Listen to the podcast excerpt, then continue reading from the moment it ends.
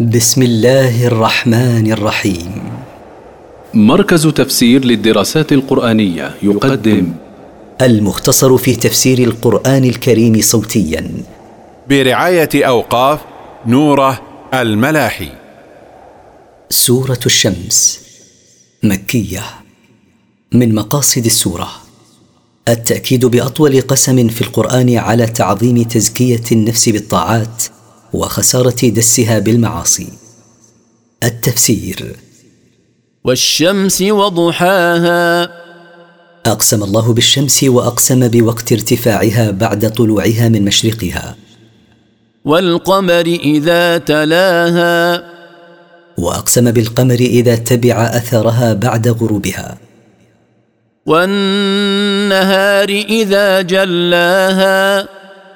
وأقسم بالنهار إذا كشف ما على وجه الأرض بضوئه. والليل إذا يغشاها. وأقسم بالليل إذا يغشى وجه الأرض فيصير مظلما. والسماء وما بناها.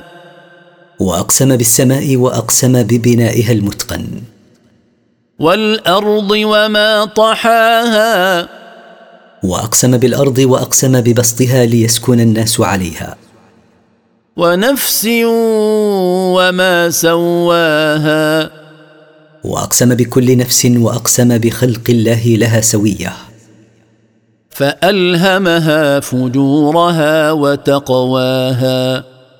فأفهمها من غير تعليم ما هو شر لتجتنبه وما هو خير لتأتيه. قد أفلح من زكاها.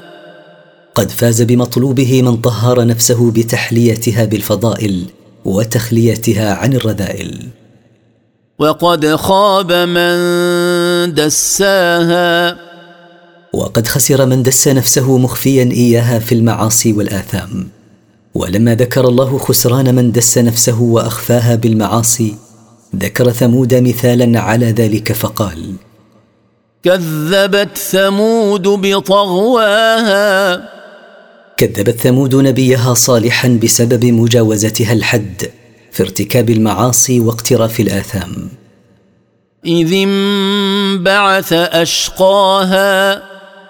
حين قام أشقاهم بعد انتداب قومه له فقال لهم رسول الله ناقة الله وسقياها.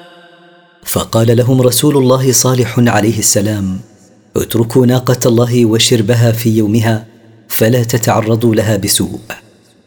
فكذبوه فعقروها فدمدم عليهم ربهم بذنبهم فسواها.